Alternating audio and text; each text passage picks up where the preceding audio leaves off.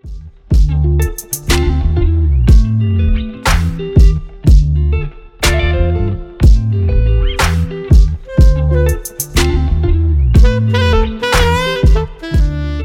teman-teman, berjumpa lagi bersama podcast Kementerian Ekonomi Kreatif BMFH UNER 2020 Yuris Trainer.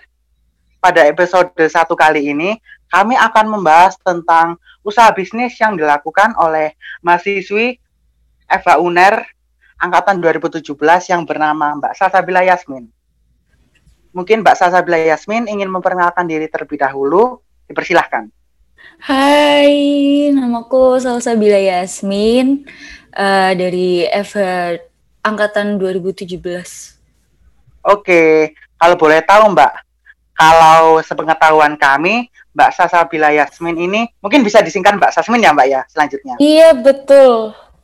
Oke Mbak Sasmin ini kan punya usaha bisnis yang bernama Seraya Berkaca. Berkaca. Iya. Oke, Seraya Berkaca. Jadi kalau boleh tahu Seraya Berkaca itu apa sih, Mbak? Um, jadi Seraya Berkaca ini bisnis di bidang fashion, uh, khususnya fashion wanita. Jadi uh, aku di sini jual tas dan aksesoris, tapi dari kerajinan manik-manik. Jadi kita merunce gitu di situ. Oh, jadi handmade gitu ya, Mbak ya? Iya, betul, handmade dan uh, aku sendiri yang mengerjakan bersama pegawai-pegawaiku. Oh, mantep banget tuh. Oh ya Mbak, Mbaknya mulai memulai bisnis ini sejak kapan ya Mbak?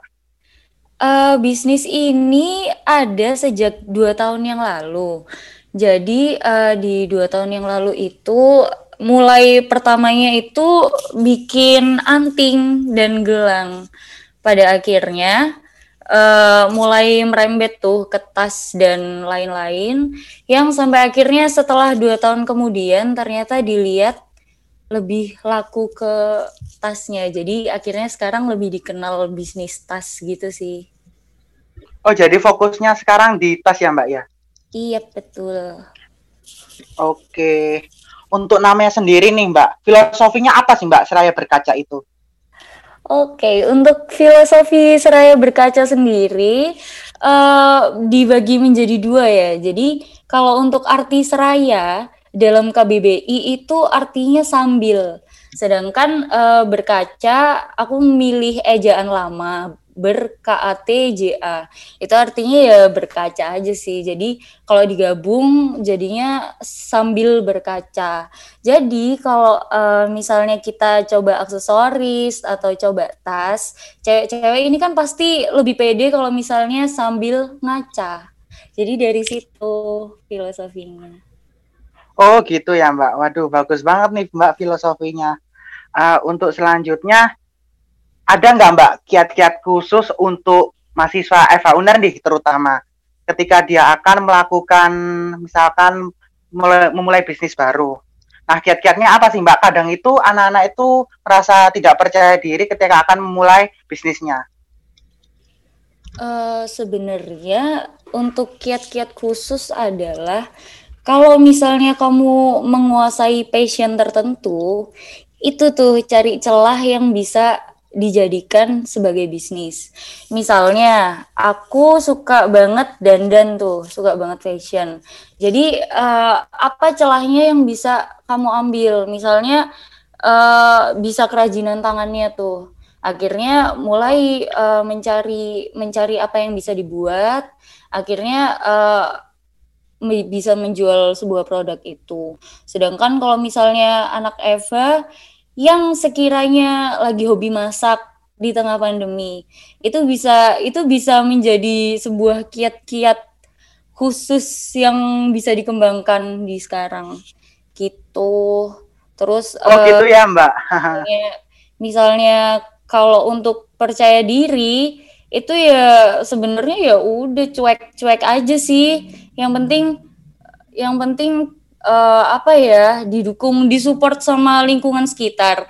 Karena pembeli awal adalah yang pasti pem, uh, lingkungan sekitar dulu lingkungan kita dulu. Kalau lingkungan kita sudah mensupport Artinya uh, tingkat kepercayaan diri kita akan semakin naik dan semakin pede untuk memperkenalkan brand kita ke lingkungan yang lebih luas lagi. Oke Mbak, berarti kan di kala pandemi ini kan banyak sih Mbak, kayak anak-anak itu banyak yang bisnis kayak mentai, terus virtual fotografi gitu. Betul. Berarti secara nggak langsung itu apa ya Mbak ya, semua kegiatan itu bisa kita lakukan untuk mendapatkan profit. Iya, betul banget. Pasti uh, ada celah-celahnya lah. Setiap setiap kegiatan kita itu pasti ada celah. Bahkan kalau misalnya kita berada di Fakultas Hukum, apa yang bisa dibisniskan? Dibisniskan adalah misalnya joki tugas. Itu bisa tuh. Kayak gitu oh. bisa. Iya sih Mbak. Uh, aku mau baca ini Mbak pertanyaan dari teman-teman yang udah aku kumpulkan Uh, iya. Yang pertama itu teman-teman ini nanya Mbak tentang bagaimana sih cara Mbak Sasmin mempromosikan waktu awal-awal buka bisnis Raya Berkaca. Oke, uh, pertama kali itu yang pasti ini sih dari Instagram pribadi pastinya. Jadi uh, awalnya itu pasti personal branding dulu kita uh, kita branding diri sendiri dengan cara uh, misalnya nih aku jualan uh, produk fashion. Ya dan dan sebisa mungkin dan dan sesuai apa yang akan kita jual nanti. Kalau misalnya kamu jual kopi ya kamu branding di sosial media kamu bahwa tiap hari kamu berlatih membuat kopi dan sebagainya. Pada akhirnya uh, lingkungan itu akan uh, membentuk perspektif bahwa bahwa kita tuh sudah mulai jago di bidang itu. Nah, setelah setelah sudah personal branding itu, baru mulai nanti kita lebih gencar-gencar lagi membuat sosmed untuk brand kita. Nah, dari situ nanti mulai disusun tentang uh, bagaimana fitsnya, bagaimana iklannya, bagaimana photoshootnya, uh, bagaimana cara menaikkan followers dan lain-lain itu. Oke Mbak. Terus Mbak Sasmin sendiri ada kiat-kiat nggak Mbak untuk mempertahankan bisnisnya Mbak Sasmin? Uh, kalau misalkan ada kompetitornya Mbak Sasmin sendiri yang membuka bisnis serupa dengan Mbak Sasmin. Apa kiat-kiatnya dari Mbak Sasmin sendiri agar bisnis Mbak Sasmin itu bisa bertahan dan survive? Uh, untuk kiat-kiatnya sebenarnya untuk bisnisku ini Seraya Berkaca uh, nggak banyak nggak banyak uh, rival-rivalnya tuh di luar. Jadi kita lebih gampang untuk berkompetisi. Tapi kalau misalnya memang ada uh, ya caranya kamu inovasi uh, dengan idealisme sendiri tanpa tanpa meniru orang lain gitu. Jadi kita punya ciri khas sendiri. Jadi orang lebih mencintai produk kita karena ideali, uh, idealis kita itu. Begitu. Oh, Jadi gitu ya, produk kita lebih orisinil aja. Gitu. Kan Mbak Sasmin ini kan udah semester 7 nih. Pastikan lagi sibuk-sibuknya skripsi ya. Terus gimana sih Mbak caranya membagi waktu antara kuliah dan usaha bisnisnya? Cara membagi waktu adalah uh, aku termasuk orang yang lumayan tersistem. Jadi uh, setiap hari itu itu aku pasti bikin jadwal. Setidaknya uh, untuk satu minggu ke depan itu selalu ada jadwal. Jadi kebetulan aku juga punya bisnis lain juga selain Seraya Berkaca. Jadi itu perlu dibagi waktu juga. Uh, untuk seminggu ini, misalnya uh, seminggu ada tujuh hari. Tujuh hari itu harus meluangkan waktu uh, tiga hari misalnya itu untuk skripsi semua. Terus uh, satu hari untuk Seraya misalnya. Uh, karena Seraya ini udah punya pegawai, jadi aku bisa serahkan ke mereka. Jadi aku tinggal controlling aja. Nah untuk uh, tiga hari lainnya itu sehari dibuat istirahat, dua hari mungkin dibuat untuk bisnis lainnya begitu. Oh gitu ya Mbak. Berarti Mbak Sasmin ini cukup sistematis dalam membagi waktu ya Mbak antara kuliah dan bisnisnya. Ya, betul. Mantap juga sih Mbak. Oke, untuk pertanyaan selanjutnya akan disampaikan oleh rekan saya Dinda Febriola. Oke. Oke, makasih Ujang. Halo Mbak. Hai Dinda. Di sini aku pengen tanya nih Mbak. Eh uh, hmm. apa sih yang menjadi inspirasi Mbak buka usaha Seraya Berkaca ini? Uh, jadi inspirasinya adalah dari keluarga sih sebenarnya. Jadi ceritanya nenekku dan tante-tanteku ini uh, juga jualan uh, kerajinan tangan kerajinan tangan seperti ini. Jadi inspirasinya adalah ini semua berawal waktu TK. Jadi waktu TK itu aku sering main ke rumah nenek terus mereka lagi bikin-bikin bikin-bikin aksesoris dan kerajinan tangan itulah. Suatu saat aku minta diajarin tuh gimana caranya bikin sebuah bola dari manik-manik ini. Akhirnya dari situ diajarin. Akhirnya waktu SD itu mulai mulai suka jualan kan karena ngelihat nenek dan tante jualan dapat uang tuh. Akhirnya mulai cinta uang di situ. Terus akhirnya jualan ternyata seru tuh. Akhirnya uh, mulai berkembang berkembang sampai akhirnya udah SMP SMA terus selesai nggak nggak jualan lagi. Mulai lagi kuliah gitu.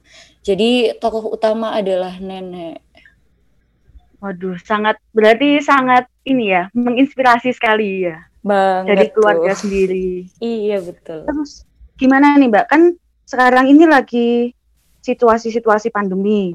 Terus mm -hmm. situasi yang paling ditakutkan sama pelaku usaha itu kalau misalnya dia lagi sempat pembeli atau bahkan nggak ada pembeli sama sekali. Itu mm -hmm. gimana sih Mbak ngatasinya?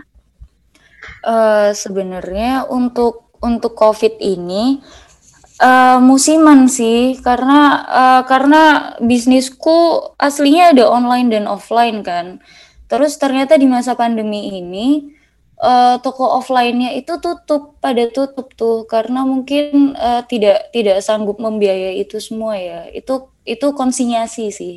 Jadi akhirnya Seraya ditarik kembali produknya ke aku, akhirnya bisnisnya online semua. Nah, itu mulai agak agak ketir-ketir tuh ini bisa atau enggak di masa pandemi untuk untuk survive gitu. Tapi ternyata uh, setelah dijalani ternyata uh, budaya beli online shop ini makin berkembang. Jadi orang-orang orang-orang di tengah pandemi kan tidak jalan-jalan ke mall, ya pokoknya mengurangi lah. Akhirnya mereka mulai mengulik lokal brand yang ada. Akhirnya lebih mencintai lokal brand dan penjualan seraya berkaca otomatis lebih naik di situ. Apalagi kalau misalnya ada promo misalnya kemarin habis ada Harbolnas 11 11 atau 12 12 ataupun uh, promo lebaran itu pasti sangat melonjak pembeliannya di situ gitu. Jadi kalau misalnya kalau misalnya punya online shop banyak banyak-banyak untuk iklan dan ini sih iklan dan bikin promo lah. Jadi orang-orang orang-orang tertarik aja dengan harga yang murah, terus branding yang bagus kayak gitu. Waduh, sangat menginspirasi sekali ucapan Mbak Rasmin ini. Mbak, kalau boleh tahu nih, saya berkaca itu toko offline-nya di mana aja? Biar teman-teman mungkin ada yang mau datang, nanti kalau mungkin selesai pandemi bisa langsung beli itu.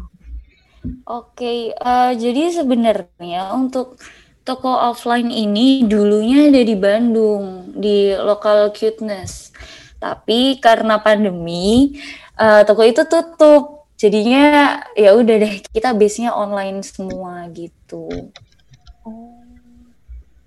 kenapa nggak mau buka cabang di Surabaya mbak Uh, jadi uh, untuk local cuteness itu sebenarnya uh, sistemnya konsinyasi. Jadi ada banyak brand di sana. Misalnya ibarat kayak Sogo. Sogo menjual menjual banyak brand di sana. Ibarat seperti itu tapi local cuteness untuk lokal brand sendiri. Nah, karena toko itu tutup, akhirnya ya udah kita ya apa boleh buat terus akhirnya uh, sampai sekarang karena masih pandemi dan belum banyak orang yang ingin nongkrong dan belanja offline ya akhirnya masih belum dulu deh nanti uh, kalau misalnya ini semua sudah selesai suatu saat kita bakal join konsinyasi lagi untuk uh, seraya berkaca. Waduh, semoga aja ya pandeminya selesai, terus nanti bisa ke toko offline-nya Seraya Berkaca, biar um, bisa lihat-lihat. Iya. Amin. Iya. Terus mau tanya lagi nih Mbak, kan mm -mm. ini, kalau misalnya buka bisnis itu biasanya terpatri dalam pemikiran pelaku usaha tuh gimana supaya dapat keuntungan. Nah, kalau awal-awal itu kan belum ada tuh profit oriented atau bahkan balik modal aja juga belum bisa kadang. Gimana itu Mbak ngatasinnya waktu awal-awal itu? Uh, untuk awal-awal itu sebenarnya ini sih lebih lebih ke bagaimana cara kita mengatur stok-stok barang kita yang ada. Jadi di awal itu jangan langsung beli stok kita uh, jangan langsung beli banyak gitu loh. Misalnya ibarat kalau seraya kan uh, kita beli bahan baku, kemudian diolah. Nah, untuk beli bahan baku sendiri itu harus dikira-kira biar uh, biar tidak ada bahan yang tersisa nantinya. Jadi misalnya kalau buka di awal, ya sekiranya sekiranya di diperkirakan untuk lima orang lah mungkin yang beli. Jadi mungkin lima orang uh, lima lima produk dulu yang kita sediakan. Kemudian nanti kita tes pasar tuh. Kalau misalnya udah tes pasar ternyata banyak peminatnya, akhirnya dari situ baru mulai ditingkatkan lagi uh, stoknya dan begitu seterusnya. Jadi kita tidak membuang uang di awal sehingga uang lainnya itu bisa dialokasikan untuk branding kita. Mungkin untuk membayar fotografer, untuk membayar desainer atau kayak aku untuk membayar pegawai dan sebagainya itu. Jadi bertahap ya, Mbak. Mm-mm, jadi bertahap. Pokoknya kalau bisnis sabar, jangan jangan di jangan ditebas di awal pokoknya. Iya, itu jadi kiatnya teman-teman harus sabar. Nah, kalau misalnya gini, Mbak, lebih baik keuntungan sedikit apa keuntungan banyak? Kenapa alasannya? Uh, sebenarnya kalau kayak gitu tergantung bisnisnya sih. Uh, tergantung gimana juga uh, produksinya. Kalau misalnya kayak serai berkaca, produksinya lumayan rumit. Jadi aku lebih memilih untuk uh, untung yang banyak biar tenaga kita itu tidak sia-sia dan tenaga kita lebih dihargai. Uh, sedangkan kalau misalnya uh, bisnisnya apa ya bisnisnya kopi deh, kopi kan ya ya coffee shop zaman sekarang uh, bikinnya ya udah sehari juga bisa jadi banyak gitu. Jadi untuk untuk keuntungan sedikit itu nggak apa-apa, yang penting lakunya banyak gitu. Sedangkan kalau seraya berkaca kan bikinnya lumayan mau memakan waktu yang sangat banyak daripada capek-capek ya udah langsung aja dijual agak tinggi harganya kemudian beli jadi orang beli satu aja itu udah bisa nutup uh, model beberapa tas gitu jadi tergantung usahanya juga ya mbak ya mm -mm. Uh, sama yang tadi mbak jadi hmm. kan Mbak bilang masalah pasar nih. Mm-mm. Kan untuk menentukan harga jual itu penting, Mbak. Kalau dari Mbak sendiri, untuk menetapin harga jual itu gimana sih, Mbak? Apakah lihat harga pak harga di pasarannya gimana atau misalnya ya udah deh karena memang aku susah buatnya ya udah bahan bakunya segini segini segini aku tentuin sendiri aja tuh harganya gimana kalau mbak? Uh, kalau untuk produkku jadi dua tahun yang lalu itu masih belum terlalu berkembang uh, tas dari manik-manik ini. Uh, waktu itu aku bikin pertama kali harganya itu 200 ribu. Dan ternyata, ternyata juga modelnya itu sama banget, desainnya sama banget sama apa yang dijual di Zara. Ternyata uh, waktu lihat di Zara itu harganya sekitar 499 ribu. Nah, Terus uh, akhirnya melihat pasar yang uh, yang dijangkau oleh Zara itu orang-orang yang seperti apa saja. Nah, akhirnya dari situ aku juga bisa menentukan pasarku sendiri ini nanti uh, jadinya seperti apa. Apalagi aku lokal brand. Jadi uh, lokal brand pasti harganya untuk orang-orang uh, yang menengah gitu kan. Jadi setelah setelah sudah punya patokan harga dari Zara itu, sudah punya patokan dari bahan baku, uh, sudah punya patokan juga pasar yang ingin kita tuju itu orang-orang seperti apa, influencer seperti apa.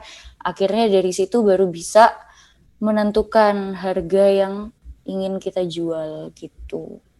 Akhirnya karena ada Zara itu uh, harga seraya itu mulai naik tuh. Ternyata berpikir oh ternyata produk seraya ini bisa dihargai segitu. Orang-orang orang-orang rela untuk uh, membayar produk ini dengan harga 499. Akhirnya uh, Seraya mulai tuh naik pelan-pelan harganya dengan meningkatkan kualitasnya juga gitu. Jadi pokoknya kalau kalau mau jual barang mahal ya kalian juga harus melihat bahan-bahan yang kalian pakai itu seperti apa. Kalau misalnya bahan kalian murahan ya jangan semena-mena untuk memberikan harga yang terlalu mahal gitu karena ya konsumen tuh bisalah menilai harganya itu seperti apa sebenarnya kayak kata orang nih mbak ada harga ada barang iya jadi betul. ada kualitasnya iya betul sama aku penasaran banget nih mbak mbak hmm. pernah nggak sih mbak kayak kan dengan harga jual yang segitu. Kalau aku lihat ya dari Instagramnya Seraya Berkaca ada yang mulai 200, 300, mm -hmm. 400 dan sebagainya macam itu. Mbak pernah nggak sih kayak rugi, rugi yang sampai aduh rugi besar nih gimana gitu pernah nggak sih Mbak? Uh, untuk sekarang belum pernah sih, alhamdulillahnya belum pernah karena uh, Seraya mematok harga lumayan agak tinggi juga dari bahan-bahan yang dipakai.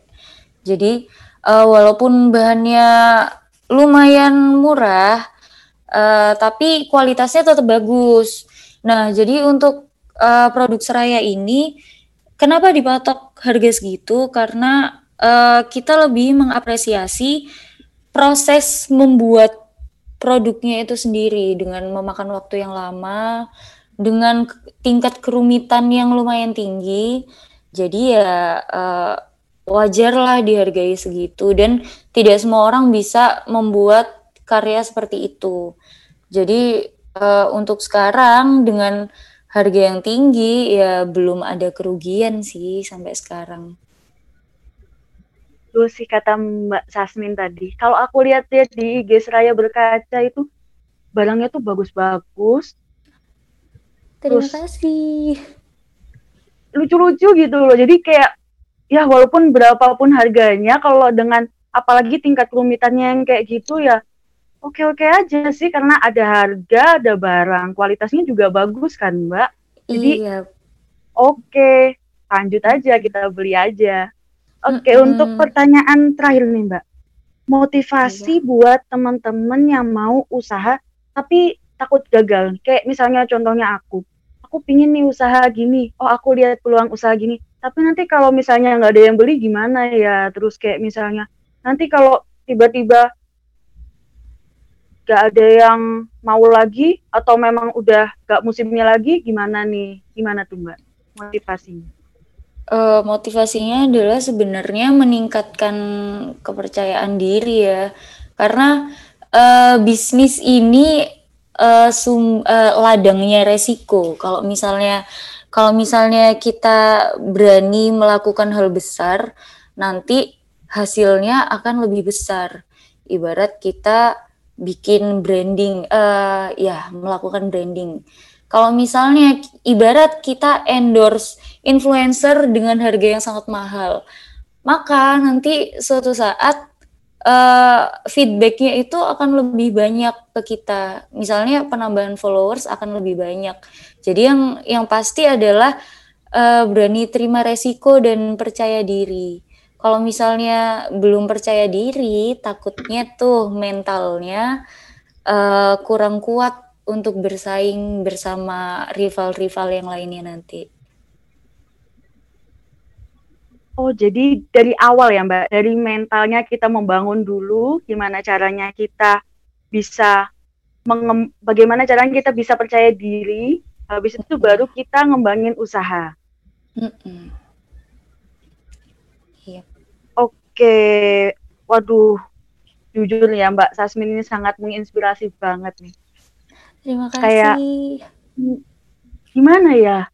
Kayak anak masih uh, mahasiswi tapi udah berani buat mulai usahanya sendiri dan bisnisnya juga alhamdulillah lancar banyak yang beli bagus-bagus lagi barangnya terima Luar kasih biasa, alhamdulillah terima kasih Mbak Salsa Bila Yasmin atas waktunya dan kesediaannya untuk misi podcast kita kali ini dan terakhir pesan dari Mbak Sasmin pada teman-teman yang mau memulai usahanya Jangan takut untuk memulai usaha. Bangunlah segala sesuatu dari diri sendiri dan selalu yakin suatu saat pasti akan berhasil. Oke, terima kasih teman-teman. See you in the next episode.